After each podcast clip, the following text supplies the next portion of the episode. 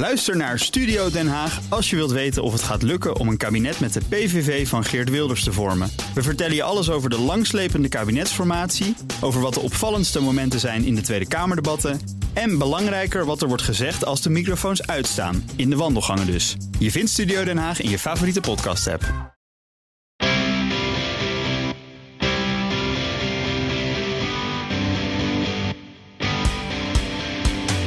Gelukkig, Robert en Kees hebben het toch weer gered tot de studio hier in Woke City. Ondanks dat ze maar 30 km per uur mochten. Nou ja, Robert dan, hè, want Kees komt gewoon keurig met het openbaar vervoer.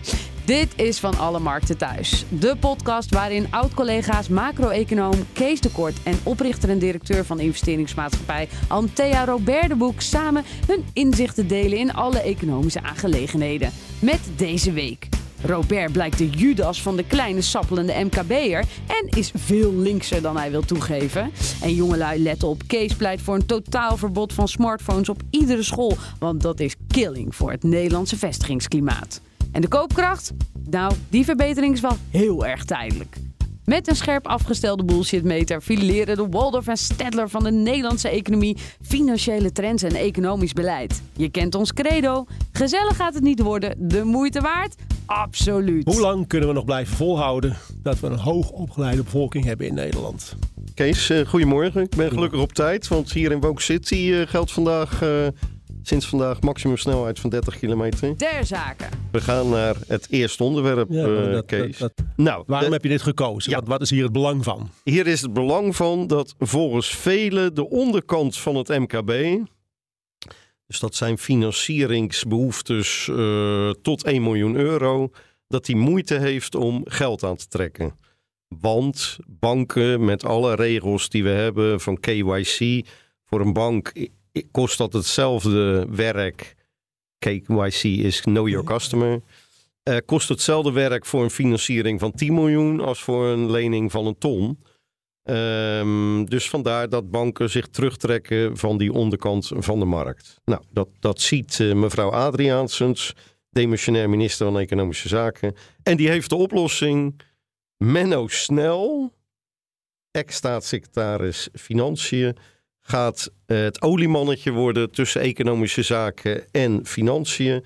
En gaat druk uitoefenen op alle partijen die half november het financieringsakkoord ondertekenden banken, crowdfunders, MKB-fondsen en InvestNL hebben gezegd: wij gaan meer aandacht besteden aan die onderkant van de markt. Nou, maar het probleem, het probleem is dus anders. Het probleem is dat het controleren van de data die worden aangeleverd, dat dat te veel tijd kost en te duur is in relatie tot, tot het krediet wat ze kunnen verlenen. Maar wie stelt die eisen? Waarom is dat zo? Wat, wat gebeurt daar bij die banken? Nou ja, dat zijn regels vanuit eh, de overheid oh, natuurlijk. Oh, mijn ja. grote vrienden DNB ja. stellen dus zoveel eisen aan de banken. Dat de banken zeggen, laat die kleine, laat die kleine kredieten maar zeggen. Dat is één, dus de DNB stelt eisen waardoor het probleem ontstaat. En dan gaat iemand anders, een overheid, gaat het oplossen. Nou, dat, dat, klinkt als dubbelwerk. En wat, wat de oplossing is, dat we nou gaan samenwerken om toch aan geld te komen? Ja, de, hij moet allemaal, die meneer Snel, die moet allemaal borgstellingen gaan, uh, gaan bedenken nou, en, en. Hoeven we, dan, hoeven we dan niet uit te zoeken hoe, hoe het financieel zit met die mag, mag een brief, mag, mag, mag een andere, mag andere geldgevers wel heel makkelijk geld geven zonder te weten wie het geld vraagt? Ja, is, zijn er regels voor banken en regels voor de rest van Nederland? Uh, ja, dat, dat zou moeten blijken. Maar hieruit zou je de indruk kunnen wekken dat dat allemaal makkelijker gaat. Ik geloof er overigens geen bal van hoor, dat die meneer snel iets voor elkaar gaat krijgen. Kijk, we moeten als, als, als Nederlandse uh, overheid en als maatschappij ook niet de illusie hebben dat je 100% van de ondernemers kan helpen. Daar lopen gewoon, daar moeten we reëel zijn. En, en ik doe het al 30 jaar. Daar lopen heel veel kneuzen tussen. Maar, maar hoeveel, hoeveel procent, laten we zeggen, hoe is de verdeling in procenten? Tussen heel, tussen heel klein, eh, laten we zeggen, jouw doelgroep die wat groter is en de grote. Is, in, is, is, aantallen ondernemers. Ja, aantallen zijn, is, is een heel groot probleem als, klein, als hele kleine ondernemers geen geld meer kunnen krijgen. Is, is dat maatschappelijk gezien een punt. Nee, dat is geen punt, omdat daar heel veel ondernemers tussen zitten die, die helemaal geen valide businessmodel hebben en een slecht ondernemer zijn. Ja, dan moet je de, de marktwerking zijn werk laten doen. Als die geen financiering kunnen vinden bij, bij al dat soort instanties, participatiemaatschappijen, banken, crowdfunders. Ja, ook die kijken naar risico's en beoordelen dat businessmodel en dat management. Ja, daar heb je nooit een 100% score. Je moet niet als overheid, en dat, dat, dat zie ik nu al 20 jaar lang. Nee, we moeten die onderkant helpen. En ik lees nooit, ja, daar zit een deel bij die we gewoon niet moeten helpen. Is beter, die mensen laten ze gewoon een baan gaan kiezen.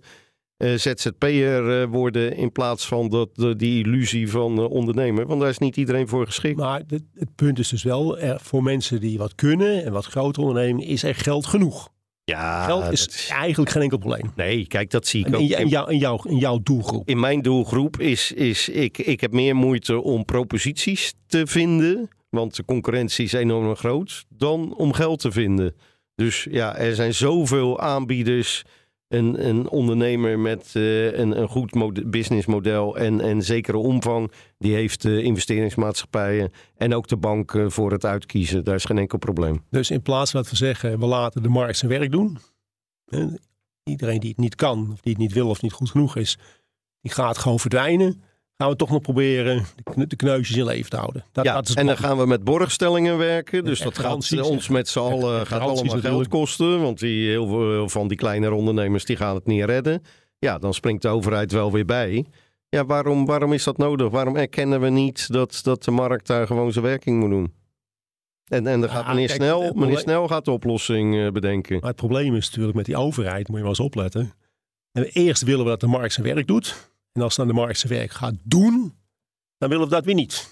Dat is de rode draad bij de Nederlandse overheid en de Nederlandse en buitenlandse overheden. De markt moet zijn werk doen, totdat er iets gaat gebeuren wat we niet leuk vinden. En dan gaan we ingrijpen.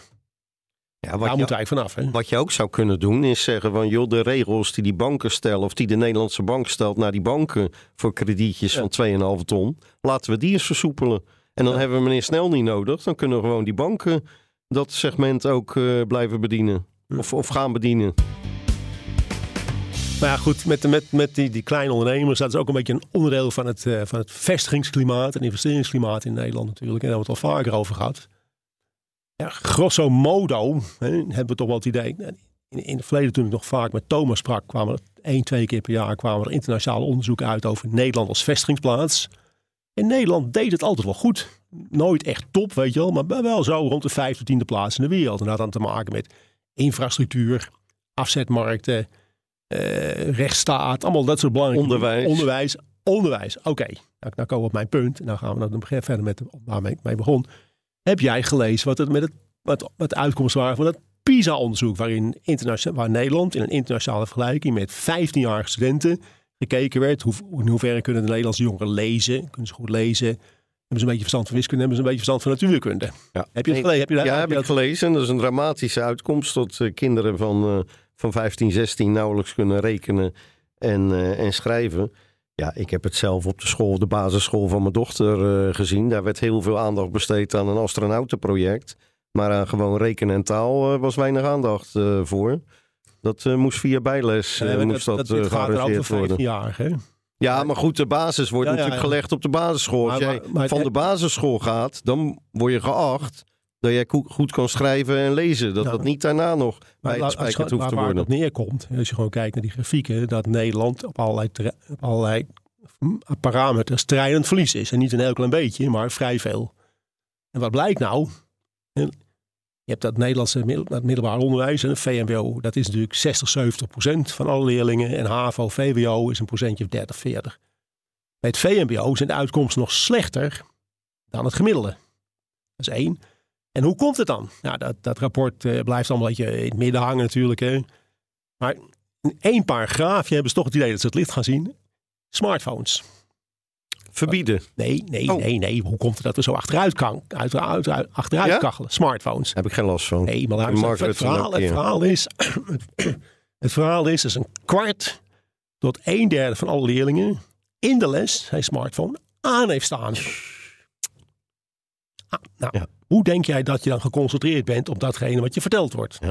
Die hebben de smartphone aanstaan. Van de week las Nee, nee, maar dat, dat betekent natuurlijk ook die hebben, de, die hebben smartphone altijd aanstaan. Nou, dat, dat, betekent natuurlijk ook dat een heleboel leerlingen hem gedeeltelijk hebben aanstaan. En dat als jij, eh, als, jouw buur, als jouw buurmeisje, jongetje, het ding heeft aanstaan, dat je natuurlijk als niet-gebruiker mee zit te kijken. Dus wat doet dat voor de concentratie van leerlingen, als de docent wat zit te vertellen, als iedereen met smartphone zit te klungelen. Ik denk dat dat een hele belangrijke reden is waarom de resultaten zo achteruit gaan. Praten we over 15-jarigen. Robert, dan hoeven ze nog niet te werken. Jij krijgt te maken met mensen die wat ouder zijn, die al wat langer op school hebben gezeten. Denk jij dat de resultaten van MBO's, HBO's en WO's veel beter zijn? Gebruiken ze daar niet de smartphone terwijl ze les hebben? Ik denk dat gewoon, dit, dit gaat over 15 jaar. Maar ik denk dat gewoon in de rest van, van leren Nederland de resultaten eerder slechter zijn dan beter in vergelijking met die 15-jarigen. Want iedereen zit de hele godgangsdag maar op zijn smartphone te koekeloeren. Terwijl de les gegeven wordt. Dus, mijn, dus mijn, het punt is hier in termen van vestigingsplaatsbeleid en vooruitzichten voor Nederland. Als de bevolking opgeteld minder hoog opgeleid wordt. Ja, we hebben er een opleiding wel gedaan, maar het niveau is veel lager dat, heeft natuurlijk wel, dat gaat natuurlijk op termijn grote consequenties hebben voor het bedrijfsleven. Waar die mensen aan de, slag, aan de bak moeten. En ik denk zomaar dat het geen plus is om het dus heel, heel, heel genuanceerd uit te drukken. Nou, ik las van de week dat, uh, dat was op het journaal, dat ze in Ierland uh, de smartphones gaan verbieden op, uh, op scholen. Dat zie je natuurlijk in andere landen al. Maar los van onderwijs, van de week kwam ook naar buiten, ASMI gaat een fabriek bouwen in, uh, in Amerika. Adriaans en Rutte waren mee op een handelsmissie. dus die twee VVD'ers hebben dat natuurlijk weer heel goed geregeld voor Nederlandse ondernemingen. Maar het vervelende is wel dat ASMI die fabriek gaat neerzetten in Amerika en niet in, in Nederland. Dus je ziet het aan alle kanten en het gaat langzaam. Hè? We gaan pas over tien jaar zien. Ook zo'n afschaffing hebben we het hier al eerder van, over gehad. Afschaffing van die expertregeling. Het is een, het is een reeks van maatregelen die, die negatief zijn voor de keuze. Ik las ook een paar weken geleden de, de directeur van de Amerikaans-Nederlandse Kamer van Koophandel. Die zegt Nederland staat niet meer op de shortlist bij Amerikaanse ondernemingen als ze een vestiging zoeken in Europa. Ja, dat is heel slecht nieuws. Nou, maar dat onderwijs ook een lange termijn verhaal. Hè? Kijk, het is natuurlijk je vraagt je natuurlijk af wat de inspectie voor het, van het ministerie van Onderwijs de afgelopen tien jaar gedaan heeft zullen we die gewoon eens helemaal optieven met die handel. Als je dit laat gebeuren onder jou, je hebt toezicht hè. Kees, Kees geen grensoverschrijdend gedrag stemverving, vloeken. Het, gaat over, het, gaat, het gaat over onze toekomst, Robert. De inspectie heeft de bal niet laten liggen. De infectie heeft gewoon geen bal meer. Die hebben geen ballen meer. Die doen niks. Robert, als je gewoon, als je gewoon kijkt naar de resultaten. Dus we hebben een hoge, een, een samenleving die ingewikkelder wordt en complexer wordt in de loop van de tijd. En ons, hè, datgene wat erop afkomt om die zaken verder uit te breiden en, en om te ondersteunen en uit te breiden, ja, die worden gewoon, ja, die gewoon nog veel minder opgeleid. Dat is een vrij dramatische ontwikkeling. En iedereen zat een beetje naar te kijken. En dan, dat verhaal van die smartphones in Ierland. Het is natuurlijk onbegrijpelijk, en dat is al heel lang, dat die überhaupt worden toegelaten in iedere vorm van onderwijs. Nou zijn we gewoon tien jaar verder met die dingen. De resultaten worden vrij pijnlijk. En dan, misschien moeten we daar eens over gaan denken. Nee, daar moeten we niet over gaan denken. Dat moet, moet, al, had al lang gebeurd moeten zijn. Het is echt ongelooflijk hoe, hoe, je zaak, hoe je de zaak je laat ontsporen. Met alle lange termijn consequenties van dien. Nou, ik denk uh, dat dit geregeld is uh, na vandaag, Kees. Uh, dat hoop ik. Dat onze luisteraars breiden met de, week, met de week uit. ik reed naartoe, hoorde ik weer de commercial. We kunnen er echt niet meer omheen. We gaan naar uh, de ergernissen van de week, Begin, ja, Kees. dan kan ik even, dan kan ik even Onze, onze standaard uh, rubriek. Dan kan ik even herstellen. Als ja. woorden over een Stedtler heb je ergernis uh, in overvloed. Um, ja, mijn ergernis van de week, naast die 30 kilometer zone hier in Woke City... Uh, ja, dat was toch het optreden van Wilders en Omtzigt in de formatie... Ja, die hebben toch allebei een, een cursus formeren en verbinden nodig. Om te beginnen bij Wilders. Ja, dan zit je in een fase dat je vertrouwen bij elkaar moet gaan creëren. Dan heb je een gesprek met uh, omzicht. En dan zet je vervolgens op Twitter een gluiperige katholiek. Nou, sommige mensen zullen zeggen dat is een pleonasme. Uh, en het viel ook nog wel mee vergeleken wat uh, omzicht binnen het CDA over zichzelf te horen kreeg. Daar werd hij geloof ik teringhond uh, genoemd. Dus het viel mee, maar het is nou niet dat je zegt van ja, goh, wat een blijk van, van verbinding en hiermee wek ik vertrouwen bij een potentiële coalitiepartner. Dus ik vond dat niet handig. Je moet gewoon even in die fase, ga niet twitteren, ga niks naar buiten brengen als de twien journalisten voor je staan. Nou, dat wat betreft Wilders, dan omzicht. Nou, Omtzigt staat met die, na, na alles wat er vorig jaar gebeurd is met mevrouw Ollongren, die uh, die aantekeningen onder de arm had en dat gefotografeerd wordt, doet Omtzigt nu hetzelfde. Sommige mensen dachten, van dit is een grap. Maar ja, die man heeft geen humor, dus dat gaf hij uh, zelf ook toe. Het was geen grap. Joh, koop een mooie aktentas waar je die spullen in kan opbergen. Kijk, een mooi uh, boekje, notitieboekje radio, van Moleskine. is radio. Uh, toevallig, is radio. toevallig heeft een deelneming van Antea Intro heeft de distributierechten van uh, Moleskine boekjes.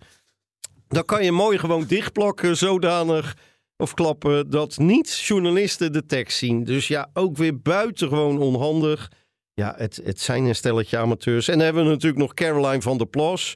Ja, dat, dat, dat is de likkende golden retriever van de Kamer. Die wil dol en dol graag, staat te kwispelen en uh, roept niks anders van uh, we moeten aan tafel. Ja, ik heb er allemaal weinig vertrouwen in. Als ik dat vergelijk met ja, voorgaande formaties waar je redelijk ervaren mensen aan tafel hebt, is dit toch allemaal wel beginners. Uh, ja, Robert, Robert dan, je vergeet één iemand nog even te noemen. Jouw uh, grote vriend Dylan. Heb je wel eens gehoord van het Peter Principle? Ja, dat heeft iets met uh, incompetentie te maken. Dat everybody rises to his own level of incompetence. Denk jij niet dat mevrouw Zielkos, dat wil ik nog wel even hebben, een niveautje te hoog gegroeid is en nu de consequenties moet accepteren? Robert, we weten allebei dat meneer De Hond, Maurice De Hond, heeft nog een keer een enquête gehouden na de verkiezingen. En de VVD, onder leiding van mevrouw, jouw grote vriendin, heeft nog een keer een buik gekregen. Min 8. Wordt het niet tijd om goed te kijken naar binnen de VVD van gaan wij met deze mevrouw verder? Want eerst willen we niet met Wilders praten, dan willen we wel eens Wilders praten, dan willen we premier worden, dan gaan we gedogen. Robert, laten we zo zeggen, eerst, eh, eerst over jouw probleem. In Nederland is helemaal niemand, niemand klaar voor primetime. Misschien Frans Timmermans nog, die heeft in ieder geval nog niks domslaan. Maar de vier die waar we nu over hebben, die zijn niet klaar voor het grote werk. Geen van vieren. En met die verkiezingsnederlaag in de achterzak en de bijbehorende. Wat ik al zei, moet het binnen de VVD niet tijd worden dat we een discussie gaan krijgen over het leiderschap binnen de VVD. Ja, Kees, de luisteraar zal nu wel denken: als de boek iets negatiefs zegt over Wilders, dan komt de kort met iets negatiefs nee, nee, over Dylan. Die wil dan ook even gelijk maken. Ja, Dylan en die, die peilingen, ja, dat zijn dagkoersen, Kees. We gaan toch niet op basis van peilingen de leider aan de kant uh, zetten. We, dat gaan is, van vier, we gaan van 34 naar 16. Ja, in de peiling, wacht nou even af hoe dit verloopt. Beoordeel die vrouw over een jaar of twee, drie, vier bij de volgende verkiezingen. Geef de tijd. Rutte was ook niet gelijk de topper bij, uh, bij, bij zijn start. Dus iemand heeft tijd nodig. En dat vind ik niet uh, van dezelfde orde van groot als de blunders van Wilders en uh, Omtzigt. Dus ik zou op basis van die peilingen, zou ik als VVD-leiding nee, helemaal niet... Denk, denk, jij, denk jij niet trouwens dat er een behoorlijke kloof is ontstaan de afgelopen maanden tussen de, politi de politieke leiding van een aantal partijen en de, en de kiezers van die partijen? Kijk, mijn punt is een beetje, zouden de, zouden de politieke leiding nogal een band hebben met de kiezers? Heb je enig idee? Want ik heb net gesproken met Leendert Beekman, de, de politiek commentator van, van BNR. En ik, heb, ik vroeg hem van nou, houden die, houden die partijen ook polls onder hun eigen kiezers? dus niet, niet onder Nederland, maar weet je we zoeken, de, de VVD zoekt VVD-kiezers op en polt wat zij vinden. Hij, hij dacht dat het wel gebeurde. Ik zeg nou, waar ik nou erg nieuwsgierig naar ben, is of de VVD dat ook doet. En of de, of de kiezers van de VVD, niet de, niet de leiding, maar de kiezers hetzelfde vinden als leiding. Want als je nog na, na de verkiezingen nog eens een keer met min 8 geconfronteerd wordt, dan is er wel een behoorlijke kloof ontstaan. Nou ja, de VVD heeft anderhalve week geleden een congres uh, gehouden. En daar hebben alle leden... De leden? Nee, nee. Het verschil tussen de leden en, en de kiezer. Ja, ik, maar je ja, mag dat... ervan uitgaan dat dat een representatieve... Ook die leden, die gaven wel een duidelijke lijn aan. En ik heb de indruk dat ze daarna wat toeschietelijker is geworden richting de PVV. Dus ik heb de indruk dat ze wel degelijk luisteren. Mijn, mijn, punt, mijn punt, mijn punt is alleen maar, je hoeft toeschietelijk zijn. Jouw taak als, als leider is om voor jou kiezers dingen binnen te halen. Dus jij kunt wel zeggen, ik deug en hij deugt niet. We don't care. Je moet gaan kijken, zijn er elementen die ik voor mijn kiezers kan binnenhalen. Ook al moet ik samenwerken met iemand die, waarvan ik vind dat die niet deugt. Maar dat is nog te vroeg om te concluderen dat ze niks binnenhaalt. Laten we nou de formatie afwachten en dan kunnen we concluderen wat de VVD Nou ja. binnenhaalt en wat Dylan eh als goed dan- onderhandelingsresultaat heeft. Heren, jullie hebben ook even gepeld wat onze luisteraar nou eigenlijk vindt. Hè. Moeten we eh, die VVD gedoogsteunen of gaan we voor de PVV gedoogsteun? En het is totaal niet representatief, maar ik wilde toch even vertellen dat eh, onze luisteraar gaat voor de PVV gedoogsteun. Dus eh, de VVD moet gewoon eh, gaan regeren en aan de bak. En de PVV gaat gedogen in dit, eh, nou ja, 74 procent. Totaal Oh. niet representatief, maar toch leuk om even te noemen. Leuk Wendy dat onze luisteraars zo eh, betrokken zijn bij de, bij de podcast. Eh, ze kunnen ook altijd eh, vragen en opmerkingen insturen naar de redactie van, eh, van BNR. Geen vervelende reacties, want daar doen we toch niks mee. We gaan Nee, maar een goede vraag zou leuk zijn, hè? Goeie vraag Ja, mag altijd. zeker. Nou, mijn ergernis, hè, zoals je weet, heb ik een eh, open oog voor alles wat met klimaat te maken heeft. En de houten methode stellen je nooit teleur. Dat is eh voorkomen duidelijk. Deze week mevrouw von der Leyen, hè, zoals je weet de voorzitter van de Europese Commissie, die had het erover dat eh, de klimaatsteun, de klimaatfinancieringen, moeten we niet meer in miljarden gaan uitdrukken, maar in triljarden. Kees, meen je niet? Nee, ik, nou, ik, kortom, in EU-land is het voorkomen duidelijk. Er is maar één smaakje. Klimaat, het klimaat, het klimaat. En moet alles. En het is niet alleen de EU, ook het IMF, de OECD, de EU, de CPB, DNB, ECB, VNN, VN. Alles, alle houten methoden in de wereld staan volledig in de klimaatstand. Het, mag wat kosten, sterker. Het mag heel erg veel kosten, ongeacht de consequenties. Robert, ik vind het echt onbegrijpelijk. Ik kan niet geloven hè, dat in, in, een, in deze wereld. Dat niemand het dat, dat iedereen dat in dezelfde film staat. en dat er geen enkele discussie over is. We praten over hele grote bedragen, over hele lange tijdspannen. met hele grote consequenties. En dat lijkt net, het is gewoon een secte geworden. In een secte weet je ook precies wat je moet vinden. Daar hoor je bij, daar hoor je niet bij. Het, het heeft de, de samenleving, korte termijn lang, maakt allemaal helemaal niks uit. Dit moet, dit kan niet anders. Dit moet een godsvermogen kosten, ongeacht wat. En geen enkele discussie. We hebben een naam voor die secte, Kees. De Pavlov-secte. Ze reageren allemaal op dezelfde manier. Nauwelijks een tegengeluid. Iedereen loopt in datzelfde Ja, maar dat stramien mee. Maar dat is wel fascinerend, Robert. Over elk, elk maatschappelijk onderwerp in elk land Is is, discussie. is discussie. Hè, er worden onderzoeken gedaan. Want het is ook een kwestie van voortschrijdend inzicht. Hè, dat je op een gegeven moment in Parijs in, in 2015 besluit om iets te doen met elkaar. Nou, dat is prima. Maar dan zijn, nou, dat je gewoon toch kijkt van, hoe gaat dat? Hè? Een soort, eh, soort ja, dat we nog eens kijken, zitten zitten we nog in een goede film? Moeten we niet een tandje terugzetten? Moeten we het beleid, misschien bijstellen? Geen enkele sprake van alleen, alleen maar tandjes erop. En dat is, ja, ik denk dat het gewoon, dat, dat, ja, wat ik al zei, dat gewoon, dat een discussie, dat je gewoon niet open staat voor andere ideeën, dat je niet uitzoekt of het misschien wel juist is wat je vindt. Helemaal niks. Dit, dit is gewoon een, een secte. Ja. Voor, Nederland Met is, alle consequenties van dien. Hè? ja, voor Nederland is nog wel hoop, Kees. Want als deze vier partijen met elkaar gaan regeren... dan denk ik dat er toch een hele andere wind gaat waaien eh, over het klimaat in ik Nederland. ja. Hoe sneller, hoe beter. Nou, maar het, het gaat er mij niet om. Het gaat er mij om dat je, dat je gewoon na. Wat zijn we aan het doen? Wat zijn de consequenties? Moeten we het niet bijstellen? Is Ja. het wel zo? Want het is, we praten over. Robert, als jij het KNMI volgt en dan kijk je naar vijf dagen het weer vooruit in Nederland, dat kunnen ze niet. Hè? Daar, daar zit het gewoon systematisch naast. Dus nu gaan we wel in 2100, hè, dus over, over een jaartje of s- 75, weten we precies wat er gaat gebeuren. De gedachte alleen al. Het is gewoon totaal belachelijk. Nou, Goed, Kees. We gaan naar het eh, laatste onderwerp. Ja, als we ja, nog tijd, eh, hebben we nog tijd voor het laatste onderwerp? dat- ja, dat- dat- leuk. ja, dat gaat natuurlijk over de, de economische realiteit op de grond in Nederland. Nou, we hebben, we hebben natuurlijk meegemaakt dat de inflatie aan het dalen is. Dat heeft vooral te maken met eh, lage energieprijzen. We maken, hebben ook meegemaakt dat de lonen, CO-lonen, de afgelopen maanden echt serieus gestegen zijn. Dus ja, het is duidelijk, de koopkracht gaat nu, is dit jaar in 2023 gestegen. Nou, dat is al op zich goed nieuws natuurlijk. Maar als je de koopkrachtontwikkeling vergelijkt van een paar jaar, dat wil zeggen vanaf, begin, vanaf eind 20, toen de prijzen zijn gaan stijgen, loopt de koopkracht, is de koopkracht nog steeds echt duidelijk lager dan een paar jaar geleden. Dus de koopkracht staat nog steeds behoorlijk onder druk, ook al is dit jaar zich positief ontwikkeld. Het is eigenlijk nog erger, want als je, je moet kopen, dan is, je hebt dingen die je moet kopen en dingen die je kunt kopen. En ik denk dat de dingen die je moet kopen, duurder zijn geworden, veel duurder zijn geworden dingen die je kunt kopen. Dus voor, het, voor een groot gedeelte van de Nederlandse samenleving is het gewoon wat onprettiger geworden. Nou, dat is al één ding. En met die hoge, met die hoge, met die hoge CO-stijgingen kunnen we ook rustig van uitgaan dat de, dat de prijzen weer gaan stijgen. Niet alleen voor het publiek. Dus dat, dat die tijdelijke opleving van de koopkracht, dat die gewoon weer verder onder druk komt te staan als we in 2024, 2025 gaan komen. Ja, dus ik denk dat de stemming, die grote delen van de bevolking nu al vrij narig is, dat die in ieder geval niet minder naar gaat worden de komende tijd. Nou ja, dat, dat sluit aan bij uh, wat ik vanochtend in het FD eh, las. Uh, een, een, een, kritisch geluid van de ondernemersverenigingen, de werkgeversverenigingen, waarin ze zich zorgen maken over de, de loongolf en wat dat betekent voor de winsten van, van bedrijven.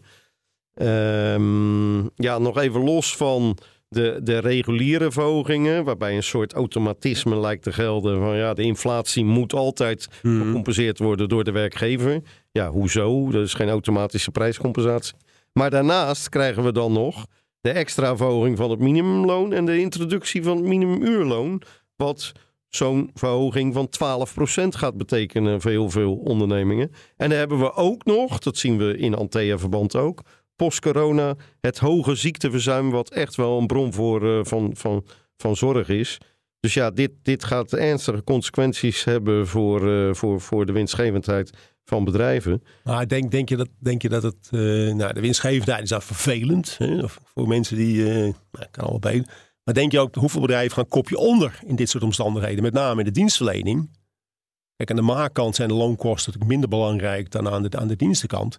Gaat dit nog leiden tot op midden, en klein MKB-niveau tot een soort golf van verdere winkelsluitingen, bedrijfssluitingen. Nou ja, in sommige sectoren zie je dat, want ja, die zijn overeind gehouden natuurlijk in coronatijd met die coronasteun en uitstel van belastingen. Mhm. Vanaf nu, een paar maanden geleden, is die termijn begonnen dat je belastingen moet gaan terugbetalen. Komt er ook nog bij. Dat, dus dat komt er ook nog bij. Dus ja, ik ben ervan overtuigd dat heel veel bedrijven kopje ondergaan. Dan wel heel veel ondernemers. En ik denk dat dat ook de verklaring is voor de overnamegolf die eh, verwacht wordt. En we zien nu ook al een enorme toename in dealflow. Ik denk dat heel veel ondernemers van onze leeftijd er gewoon geen zin meer hebben. Die, die, die, die hebben er genoeg van, van al die ballast en al die ellende. En die, die, die willen gaan stoppen. Maar zijn er dan wel mensen genoeg, mensen genoeg te vinden die, dat, die dan zeggen: Oké, ik snap dat jullie het niet meer willen. Wij gaan het wel doen. Is het, is, nou, nou net over het ondernemersklimaat. Is het dan zo, toch wel zo positief dat een heleboel mensen zeggen: Oké, nou, dan gaan wij, wij, wij denken dat we wel kunnen. Nou ja, bij de grotere ondernemingen is dat geen probleem. Kijk, private equity is enorm geïnteresseerd in, in dat soort ondernemingen. En die hebben ook een oplossing voor het opvolgingsprobleem. Wij komen ook veel ondernemers tegen die willen stoppen. Ja, dan zoeken wij een andere ondernemer erbij. Iemand die nou ja, een mooie carrière eh, in, in dienstverband heeft gehad. En de stap naar het eigen ondernemerschap wil, uh, wil zetten. Nou, die betrekken wij erbij. Die investeert met ons mee. Waardoor dat een oplossing is van dat opvolgingsprobleem in het MKB. Nog even die, die, die loonprijsspiraal is wel een leuke. Vorig jaar zagen, zagen, wij bij één deelneming een voorstel komen om niet uh, procentueel te verhogen, maar een absoluut bedrag aan alle werknemers te geven. Onder het mom van wij vinden, toen was die energieprijzen heel hoog, wij vinden het gerechtvaardigd dat de nivellering plaatsvindt. Als wij 5% verhoging geven, dan profiteren ook degene van 120.000 euro en meer profiteren daarvan. Terwijl die het niet echt nodig hebben. Dus daar werd gekozen voor een maandverhoging van 500 euro voor iedereen. Wat natuurlijk voor iemand die 2500 euro verdient een fantastische verhoging is. En voor iemand die 130.000 euro verdient, heel weinig is. Dus ik vond dat heel creatief. een heel links en voorstel. Ik heb ja, links voorstel. Ja. Misschien moet je aansluiten bij uh, de SP of de Nou, ik vond het in die uh, omstandigheden, en misschien gek om uit mo mijn mond te horen, nee, maar ja. ik, ik vond het een heel creatief voorstel. En ik heb het zelfs gepromoot bij een aantal andere van onze deelnemingen. En bij een aantal, wij kunnen dat nooit opleggen, want wij geven vrijheid aan, aan de ondernemers. Dus die moeten daar zelf voor kiezen. Maar ik zag wel bij een paar andere ondernemers dat dat idee werd uh, overgenomen. Dus dat is voor het komend jaar misschien toch ook wel weer een idee. Want kijk, die, nee, nee, nee, die, ook die verhogingen, dat, dat realiseren werknemers zich nooit. 5, 6 procent verhoging is niet eenmalig. Nee, dat nee. heeft zo'n ondernemer de komende 40 jaar heeft daar mee te maken. Maar als, als jij zegt, we geven die mensen eenmalig geld. nee, nee, dat was niet eenmalig. Die ja. 500 euro was gewoon een maand. Ja, dat was een maandelijkse verhoging. Blijft ook staan. Nee, het was niet een incidentele. Hebben we hier en daar is dat ook gedaan. We hebben ook deelnemingen gehad die gewoon alle werknemers 1000 euro heeft gegeven om eh, de energie-ellende op te lossen. Misschien moeten de vakbondstoppers naar jou gaan, met jou in overleg gaan. Nou ja, dat is nooit verkeerd. Die zullen toch ook wel luisteren naar deze podcast. Ik hoop het, eh. Nou, Eh, alle, we zijn van alle markten thuis, dat Ja. weet je. Ja. We Dat- gaan, we eh, gaan we stoppen, Kees. Ik heb nog wel één tip voor de, de, Ah, komt mijn doelgroep, de DGA's. Zet de radio maar. Zet, Nee, zet de microfoon nee, uit. Nee. Nee, even serieus. Ik heb hem al een keer genoemd, maar het einde van het jaar nadert. Tip voor ondernemers. Keer dividend uit voor 1 januari. Dat kan nog nu tegen een laag tarief. 26,9 procent. Dat gaat per 1 januari gaat het omhoog naar 31. En misschien in de loop van volgend jaar zelfs naar 33 procent. Dus denk daar goed over na. Je hebt nog drie weken de tijd. Bespreek dit met je fiscalist en je kan heel veel geld besparen. En het is ook goed voor de Nederlandse staatskas. Want met die dividenduitkering moet je natuurlijk wel eenmalig Je afrekenen. hebt echt met iedereen het beste voor. Hè? Zeker, zeker. Met deze wijze woorden van Robert de Boekhouder sluiten we af. Dit was van alle markten thuis de gezelligste economie-podcast van Nederland. Reageer via Spotify op onze nieuwe vraag deze week en bedankt voor het luisteren. Ook Diana Matroos vind je in de BNR-app. Ja, inderdaad. Je kunt live naar mij luisteren tijdens de Big Five. Ook handig in de BNR-app. Breaking nieuwsmeldingen, maar ook het allerlaatste zakelijke nieuws. En je vindt in de app alle BNR-podcasts, waaronder Wetenschap Vandaag. Download nu de gratis BNR-app en blijf scherp.